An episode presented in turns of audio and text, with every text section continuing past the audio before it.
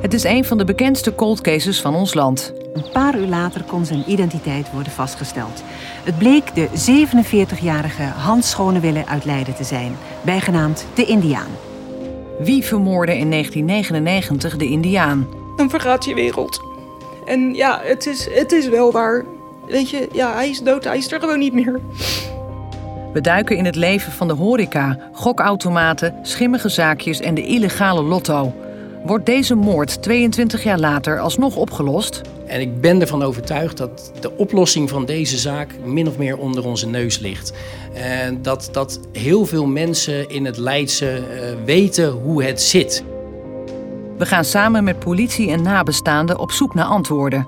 Praat. Praat gewoon. En dat kan ook anoniem. Maar, maar, maar zeg gewoon hoe het is geweest. Dit in een nieuwe Afro-Tros opsporing verzocht Cold Case podcast De Moord op de Indiaan. Vanaf 24 maart elke week een nieuwe aflevering in je favoriete podcast-app. Abonneer je alvast zodat je niks mist.